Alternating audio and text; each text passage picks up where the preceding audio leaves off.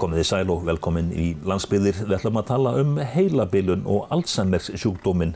Vilborg Gunnarsdóttir er framkvæmdastjóri Alzheimer's samtakana. Verður velkomin. Takk fyrir. Já, Alzheimer, þetta er algengur sjúkdómur og já, algengasti heilabilunar sjúkdómurinn eða hvað? Jú, það er alveg rétt.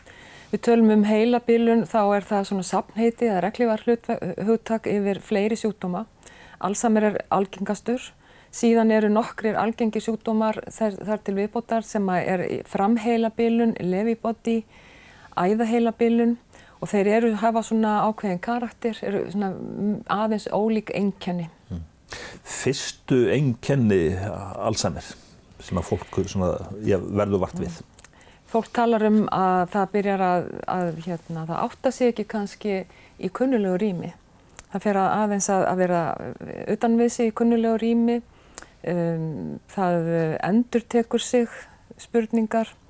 Þetta er ekki þannig að þú gleymir hver þú laði bíliklana þá ert ekki komið við Alzheimer en það er svona svolítið þetta, þetta óöryggi og endurtekningar og margir eru snjallir við að fjela það, byrja að nota minnismiðja af því þeir, þeir þor ekki að horfast í auðu við þetta en það er slemt og við viljum breyta því með ofin umræðu. Mm. Er þetta femnismál? Það var það en sem betur fyrr þá er það að breytast vegna þess að við erum bara eins og með svo marga aðra hluti, við erum orðin tilbúinari og opnari til að ræða um hlutina og það er svo mikilvægt í, sérstaklega í þessu sambandi að gera það vegna þess að því fyrr sem þú fer til læknis og fer staðfestinga á því hvað er á segði, því fyrr getur þú farið í svona meðhöndlun á þessum sjúkdómi, lifað með honum, lifað vel með honum og gert það sem þú getur til að hæja á framgangjans. En svona fyrstu einkenni það eru sem sagt allsken sem ég er svona personuleika breytingar? Í sumum sjúkdómunum, já. Þessum framheila sjúkdómum, þá, þá er það meira personuleika breyting heldur en gleimska. Mm. Þessi, þessi gleimska sem er svo algeng hjá allsami sjúkdómum. En hvað með, já, domgrind bara til dæmis? Domgrind, já, hún kemur svo sannarlega stert þarna inn líka. Þú, þú ert þú ert líka svona, missir svolítið rauk uh, hugsunina og, og hérna og það sem að svona hræðir ættingjana svolítið getur við líka verið þessi persónleika breyting. Mm. Þú þekkir ekki þinn nánasta eins og hann haga sér. Mm. Félagsfærni? Félagsfærni, sko það er í rauninni byrtist hún þannig að þú ferð að forðast markmenni vegna þess að þú vilt ekki láta aðra sjá hvernig komið er fyrir þér. Þess vegna kannski viltu síður fara á mannamót og, hérna, og, og til þess að verða þér ekki til skammar. En aldurinn, er þetta, leggst þetta á eldra fólk aðalega?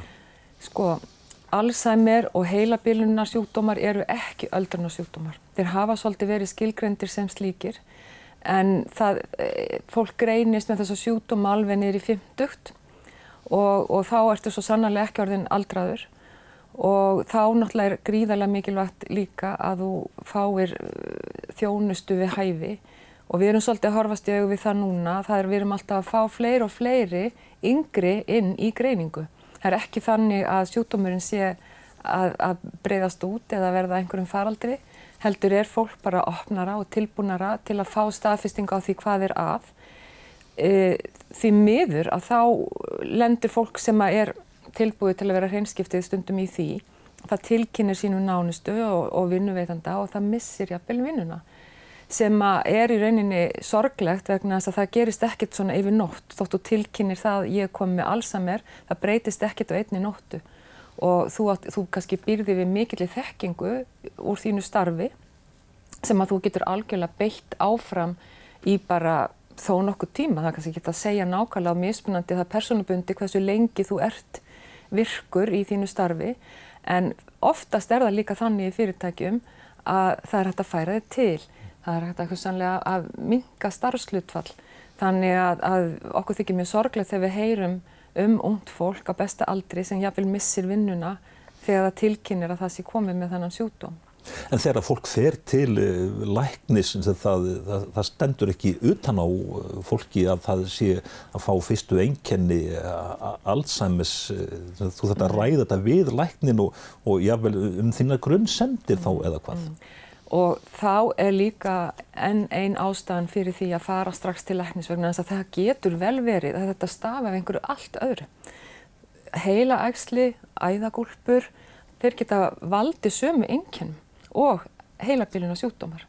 Þannig að, að hérna, ef að fólk byrjar að finna þessi einkenni, óttast að það sé komið heilabilun, þá á það endilega að drífa sér til læknis vegna þess að það getur, þarf ekki að vera að það sé þetta og jafnvel þá mjög mikilvægt að, að það sé grepið inn í strax. Er þetta ættgengt? Nei, þeir vilja nú meina að þetta sé ekki ættgengt. Það eru til, það eru gen í ákveðnum ættum til dæmis í Svíþjóð en þau finnast ekki hér á Íslandi. En Kári er nú búin að finna samt gen hjá okkur sem að hann vil meina að séu svona ímist vinnveitt eða óvinnveitt okkur varðandi líkunar á því að þú getur hugsanlega fengið. Mm. og hann getur greint þau. Og þannig ef að þú ert til dæmis í, með þetta óvinnveitta, ég man ekki hvað hann kallar að gen, að þá ertu kannski í meiri hættu á að hugsanlega fá þetta en að öðru leiti er þetta ekki ættgengt en þetta er bara algengt og það eru núna í dag talið að, að svona millir fjögur og sex þúsund Íslendingar séu með þennan sjúkdóm. Mm. Við vitum það bara ekki fyrir víst vegna þess að Íslensk lög leifa ekki lækna, læknum og helbriðsauðvöldum að halda utanum tölfræðina. Það þarf að breyta lögum um landlæknis og það megi verða. En þegar að já, fólk já, sýnir fyrstu einkenni heila beilunar að einhverju tægi, það er sem sagt ekkert óalgengt eða jável algengt að, að fólk já, neyti í fyrstu minnst að horfast í augu við það. Já, er það ekki bara eðlilegt? Óttust við ekki hvað geti hugsanlega beðið okkar og það hefur alveg verið í umræðinni að hérna, ef það væri kæmin og þannig greining að þú geti farið bara í blóðpröfum færtugt og fengið að vita hvort að þú munir fá þennan sjútum eða ekki að þá hef ég alveg heyrt eh, hérna, fólk ræðum það hvor, og skiptast alveg í tvent hvort að myndi vilja fá að vita þetta eða ekki. Mm. Vilt endilega vita að þú verði veikur eftir 30 ár eða er ekki bara ágætt að vita það ekki? Það er spurningin. Já. En uh, hvert eiga sagt, já, aðstandendur að leita til þess að fá upplýsingar um já, þá aðstóð sem er í bóði eh, sagt, í kjölfar þess að eh, einstaklingur hefur verið greindur með Alzheimer? Alzheimer samtökinn eru í rauninni uppalega félag aðstandenda. Það var stopnað 1985 og hér þá félag aðstandenda Alzheimer sjúklinga. Núna heitir þetta Alzheimer samtökjun í Íslandi og er í rauninni samtök eh, líka bara allra aðstandanda og þeirra sem að veikjast og þeir sem að er að veikjast eru í auknum mæli að hafa samband við okkar að fyrrabræði. En þegar að þú ert búin að fá þessa greiningu hjá minnismótikun og landakoti sem er sá staður sem að sem sagt, já, sker úrum, þar eru fara þær rannsóknar fram sem að hægt er að gera sem að skera úr um hvað nákvæmlega það er sem hrjáiði, hvaða tegund af heilabilna sjúkdómi hrjáiði, að þá eh, fer það svolítið eftir hversu langt sjúkdómurinn er gengin, hvort að það er strax til dæmi sótt um fyrir þig að komast í sérhæfða dagþjálun svo kallaða. Og það eru til dæmis á höfuborgarsvæðinu eru áttast líkar, en því miður að þá eru svolítið langi bygglistar eftir að komast þanga, þannig að fólk þarf að býða í alltaf ár eftir að komast að. Sumir eru þá orðinir það veikir að þeir bara þurfa að hoppa yfir þetta úrræði. Aðrir eru það skamt komnir og þeir telja sér þetta ekki tímabært að fara þarna inn. En mjög margir tala um að þeir séu í svona hálgeru svartólið þarna á milli í, á þessum tí, byggtíma. Mm. Og þá koma allsami samtökin þar að að þar er hægt að panta ráðgjafatíma. Við erum með félagsráðgjafa í vinnu og það er hægt að fá engar áðgjöf, það er hægt að fá fjölskyldur áðgjöf og við bendum á hversu mikilvægt virknin er að hafa eitthvað fyrir stafni, halda áfram að læra nýja hluti og þá, því, þá, þá erum við kannski ekkert endilega að tala um að vera að leysa sút og gátur allan daginn en að segja að þú ert orðið mjög góður í því að þá er það hægt að reyna á heilan. En að, satt, að vera greindur með allsamið þetta er, satt, þetta er mikið áfall? Að sjálfsögð er það það vegna þess að Alzheimer dregur því til dauða. Það er bara mjög misjátt ákveð langum, langum tíma og fólk hefur náttúrulega séð, við, við þekkjum flest einhvern sem er nálátt okkur, fjölskyldunni, vinahópnum sem á einhvern aðstandanda eða, eða hefur hérna lendi í þessu og þú hefur hort að fólk hverfa og þú týnir þínum nánasta og, og það er náttúrulega afleggingarna þegar þú ert orðin mjög veikur, þær eru svolítið skelvilegar. Það, það er svona ekki góð tilhugsun að, að makiðinn þekki þig ekki til dæmis mm. eða, eða þá að þú þurfur að svara sömu spurningunni á tökja mínútna fresti. Þetta er, veist, þetta er erfitt og, og þú vilt heldur ekki veist, verða þessi að lenda í þessum spórum. Mm. Það vil það enginn. En sem sagt þegar að því að sjúkdómurinn er greindur, það er stundum sagt um já, heilabilinar sjúkdóma að hann taka ekki bara sem sagt, þann sem er greindur heldur alla fjölskylduna mm. og jável vini í kring. Þetta er fjölskyldusjúkdómur af því að þessi veiki, hann þarf fljótt svo mikla umönnun og þá er það náttúrulega oftast eftirlifandi maki sem að tekur það hlutverk að sér. Ef hann er ekki til staðara þá er það börnin. Og þegar að sjútumurinn er komin á ákveði stig að þá getur ekki vikið frá þessum einstaklingi og ekki síst vegna þess að það, ekki, það er ekki bara það að hann getur farið sér að voða, glemt að slökka eldavilni eða, eða eitthvað slíkt, heldur hérna vill hann ekki sleppa þér. Veist, þetta, það fylgir svo mikið óöryggi þessum sjúkdómi og það er svo algengt að þessi sjúki, hann getur ekki séð af sínum nánasta sem er að annastan og þú getur ímyndaðir stöðuna sem aðstandandan er komin í og þess vegna til dæmis er það líka svo mikilvægt fyrir aðstandandan að hans ástfjörnur komist í dagþjálfun, sérhæða dagþjálfun þar sem hann er virkadaga frá 8-4 hérna, og er þar í virkni og, og, og hérna fær þá þjónustu sem hann þarf, böðun og, og fleira. Er þetta að halda því fram, jável Vilborg, að eh, aðstandandin, hann mm. sé hreinlega bara komin í vinnu hjá hennu ofinbera um önnuna starf? Mm, ekki spurning. Og það væri gaman að fá útreikning á því hvað þetta fólk er að spara ríkinu mikinn kostnað í, í umönnun. Vegna þess að það er náttúrulega, þetta fólk er ekki á launum við það, margir þurfa að láta eða að hætta að vinna. Reyndar fyrir 67 ára aldur þá getur sótt um umönunabætur en þær falla svo niður eftir þann tíma.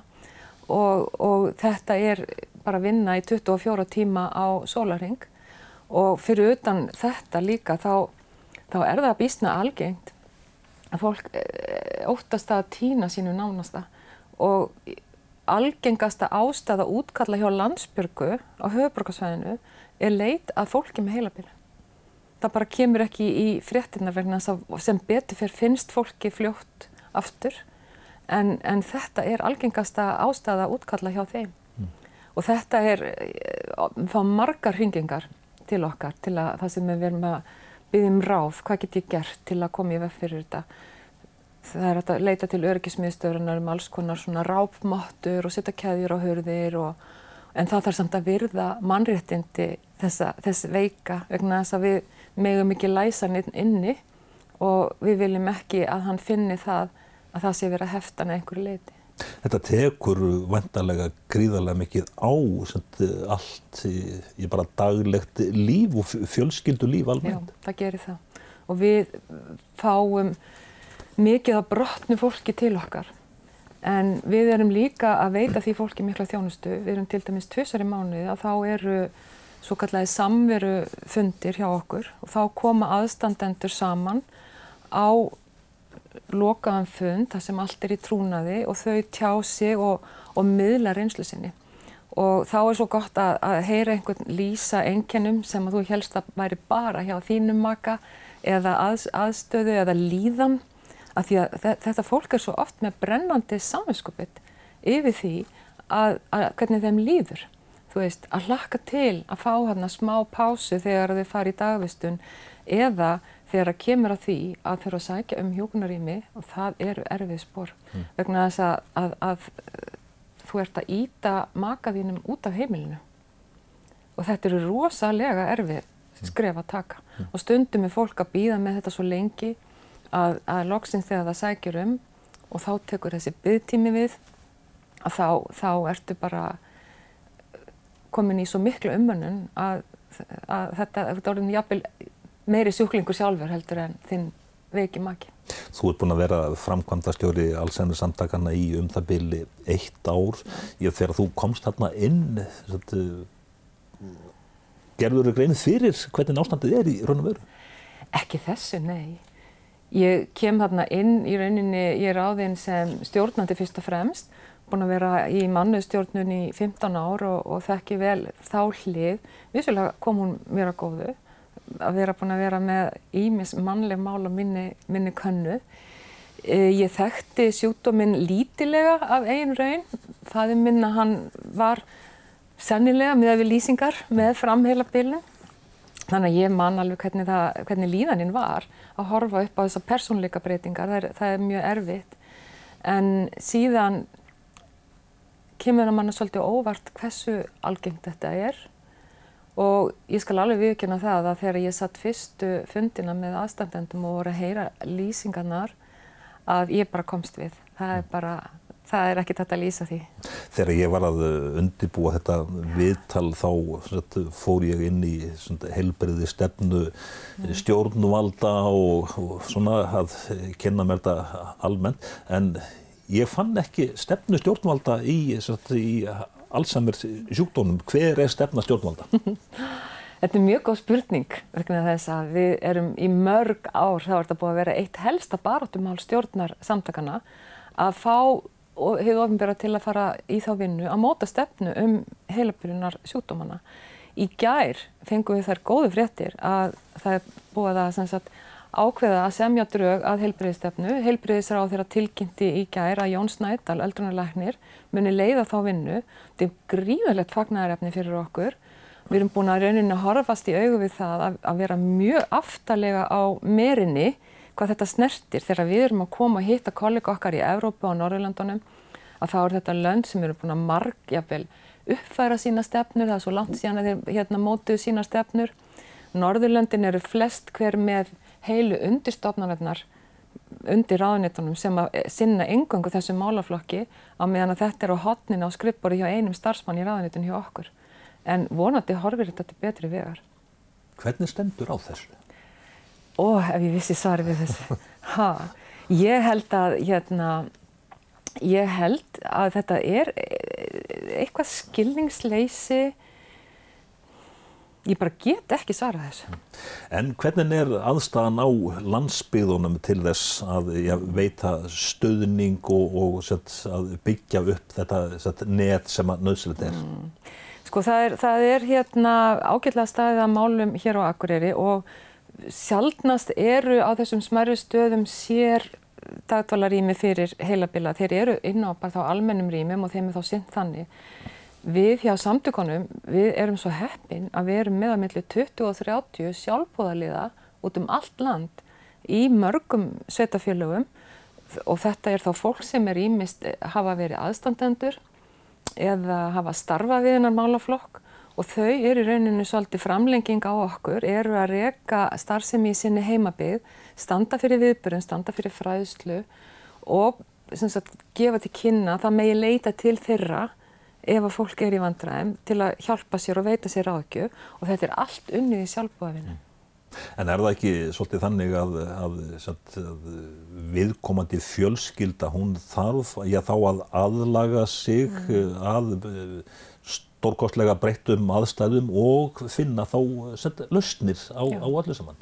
Já, og getur ímyndaðir þar sem að yngra fólkið er og þar er jáfnvel börn á heimilinu eða börnin sem koma til ömmu afa og og sjá allt í einu einhverja gjör ólíka hefðun eldur en þeir eru vön. Þannig að, jú, svo sannarlega. Mm. Já, einmitt þetta með, með samskipti við uh, Alzheimer sjúklinga mm. og jáfnvel uh, fjölskyldur. Hvað með vini? Hversu mikilvægt er að, að vináttan til dæmis hún haldist áfram? Sko, við, bara mjög mikilvægt, en því miður þá heyri ég það mjög oft að vinirnir rökkva svolítið í burtu og uh, margir segja að, að þeir fá að heyra já ég vil bara muna hann eins og hann var. Mm. Þú getur alveg munað þinn vin eins og hann var en kontu samt og, og stuttan þegar hann þarf á þeirra að halda og þó svo að hann sé kannski komið með mikið málstóla, get ekki tjáð sig, þá heyrir hann í þér og hann getur notið þess að vera í samskiptum við sína vini, halda áfram að hitta þá í hátteginu eða fara í bíó eða, eða hvað eina.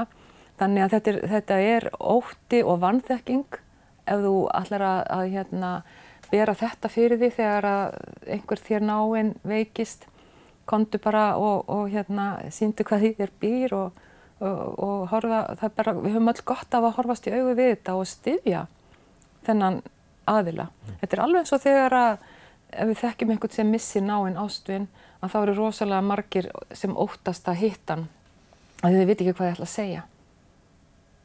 Þannig að þarna er mikilvægt að, að vinar hlekkirnir þeir, þeir brotna ekki. Að sjálfsögðu. Mm. Hvað með, satt, já, þunglindi, reyði og, og aðra þætti sem að gerðan koma fram bæði hjá já, allsæmi sjúklingum og svo þá sagt, nánustu mm. ástöðunum. Sko nú er ég ekki læknismentuð og, og get kannski ekki farið neitt mjög djúft í þetta en eh, ég heyri oft talað um það að þegar að fólk fer til læknis fyrst með þessi enkenni að þá eru það oft greindir þunglindir fyrst og fá kannski ekki rétt að greiningu fyrir eftir 1-2 ár. Þetta á líka við um Parkinson sjúklinga marga sem að ég hef heyrt við, um, við deilum húsnæði með Parkinson samtökunum. Í hvort af það er sér aukning í þunglindistilfellum hjá aðstandandi, ég, ég bara get ekki sagt um það. Er uh, talað um jáfnvel að já, fjölskyldur og aðstandendur að þau séu ofta tíðum í áhættu hópum á, að einhverju marki? Nei, það held ég ekki. Mm. Það, þetta er ekki smittandi sjúkdómur og ekki ættgengur en, en jú, sko, áhættan fælst þá bara í álæginu sem fylgir því að annars þennan veika einstakling. Þannig að hérna, þar kannski, já, þar, þar ertu í áhættu á að, að veikja, veikjast. Þannig að þú hugsaður ekki um sjálfa þig, við hvetjum aðstændendur mjög til að hugsa um sjálfa sig, taka sér tíma í líkamsrækt og, og, og hérna, tíma fyrir sjálfa sig sem að þær mínútur eru því miður ekki margar.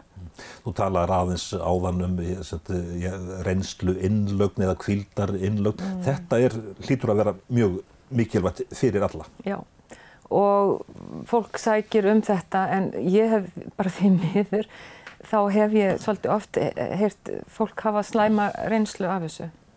Vegna þess að í kvildarinnlög þá er þetta náttúrulega, þú veist, eins og orðið gefur til kynna, þetta er kvild, þannig að þú veist, þú ert kannski búin að vera í dagþjálun þar sem er prógram frá mótni til kvölds og, og margir eh, sjúklingarna þeir líta svo á að þeir séu bara í vinnu og, og hafa jáfnvel á orði að það, þeir fá aldrei launaseðil frá okkur.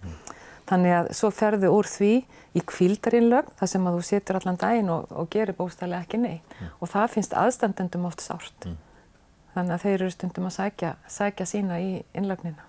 Hvernig er rekstri ykkar háttað allsæmur samtakana? Hafið þið úr nægu fjármagni að spila til þess að já, búa til fræðsluefni mm. og kynningarefni og, og annað þvílitt? Engu tíman sá ég það í blöðarum að ykkur dreymir um að, að tilverði allsæmur hús, mm. sérstaklega.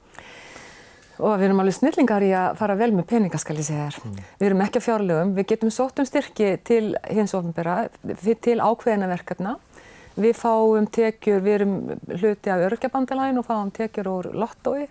Við erum með mjög margar hlaupara sem hlaupa fyrir okkur í Reykjavík-marathon og þetta eru svona stæstu tekju þættirnir okkar. Um, það kostar, auðvitað kostar fræðslan og fræðslustjórun okkar, hún er að fara út um allt land.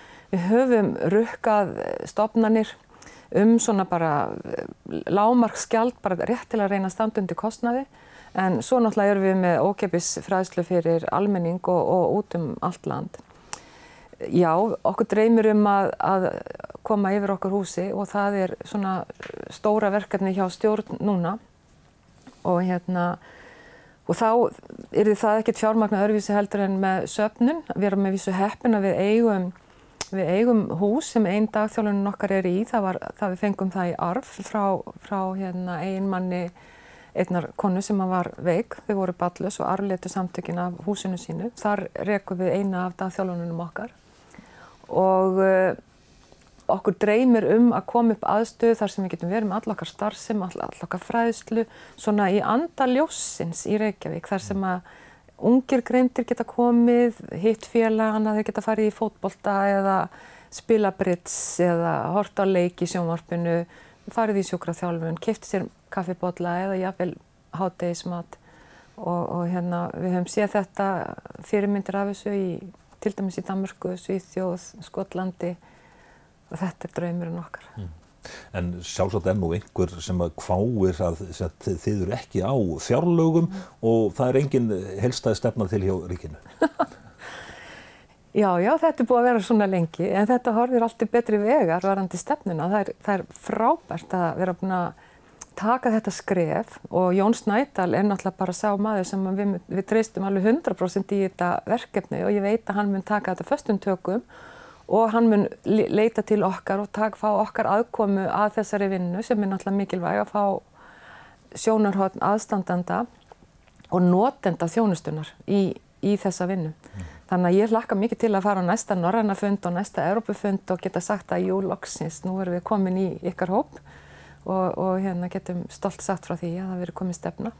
Ef að þú svona, reynir að svona, leggja bara mat á hvernig við Íslandingar svona, erum að umgangast þetta allt saman eða, eða viljum við það kannski ekki? Er við of feiminn eða svona að umgangast að, að, bara að ræða um allt sem er sjúkdóminn og heilabilun og all, allt þessu tengt Sko það er allavega allir mjög forvitni sem að ég hitti þannig að það er allir tilbúin til að ræða þetta við mig og svo er þetta nú þannig að, að flestir sem ég hitti þeir geta sagt já amma eða frænka eða vinnur eða þú veist var með þetta en þetta er allt í kringum okkur og miklu algengara heldur en við höldum mm.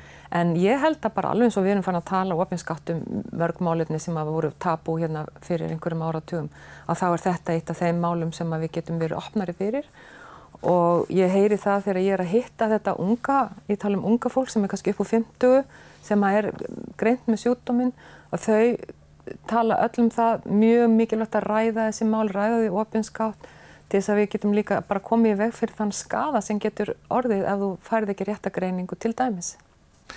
Hvað með liv? Eru þau í sjónmáli ykkur? Og því miður þá, þá eru ekki alveg í sjónmáli nei, en það eru fjölmörg uh, lifjafyrirtæki þannig úti að rannsaka og er með stóra rannsóknir og það er meðal annars stór rannsókn að fara í gangina hérna heima þar sem 200 Íslandingar munu vera þáttakendur í þessari lifjarannsók.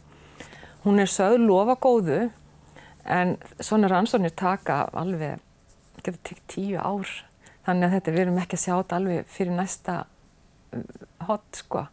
En, en vonandi ef að, ef að þessar, eða þessar væntingar standast að þá er þetta lif sem að kannski geta ekki læknaði en þau geta hugsanlega bætt einhvert skada og, og hægt á og jáfnvel stöðvað framgang sjúdómsins. Þannig að, hérna, þannig að við bara vonum það besta. Vilborg Gunnarsdóttir, frangvandastjóri Alzheimer samtakana. Þakka þér fyrir spjallið og gangi ykkur vel. Takk kærlega fyrir það.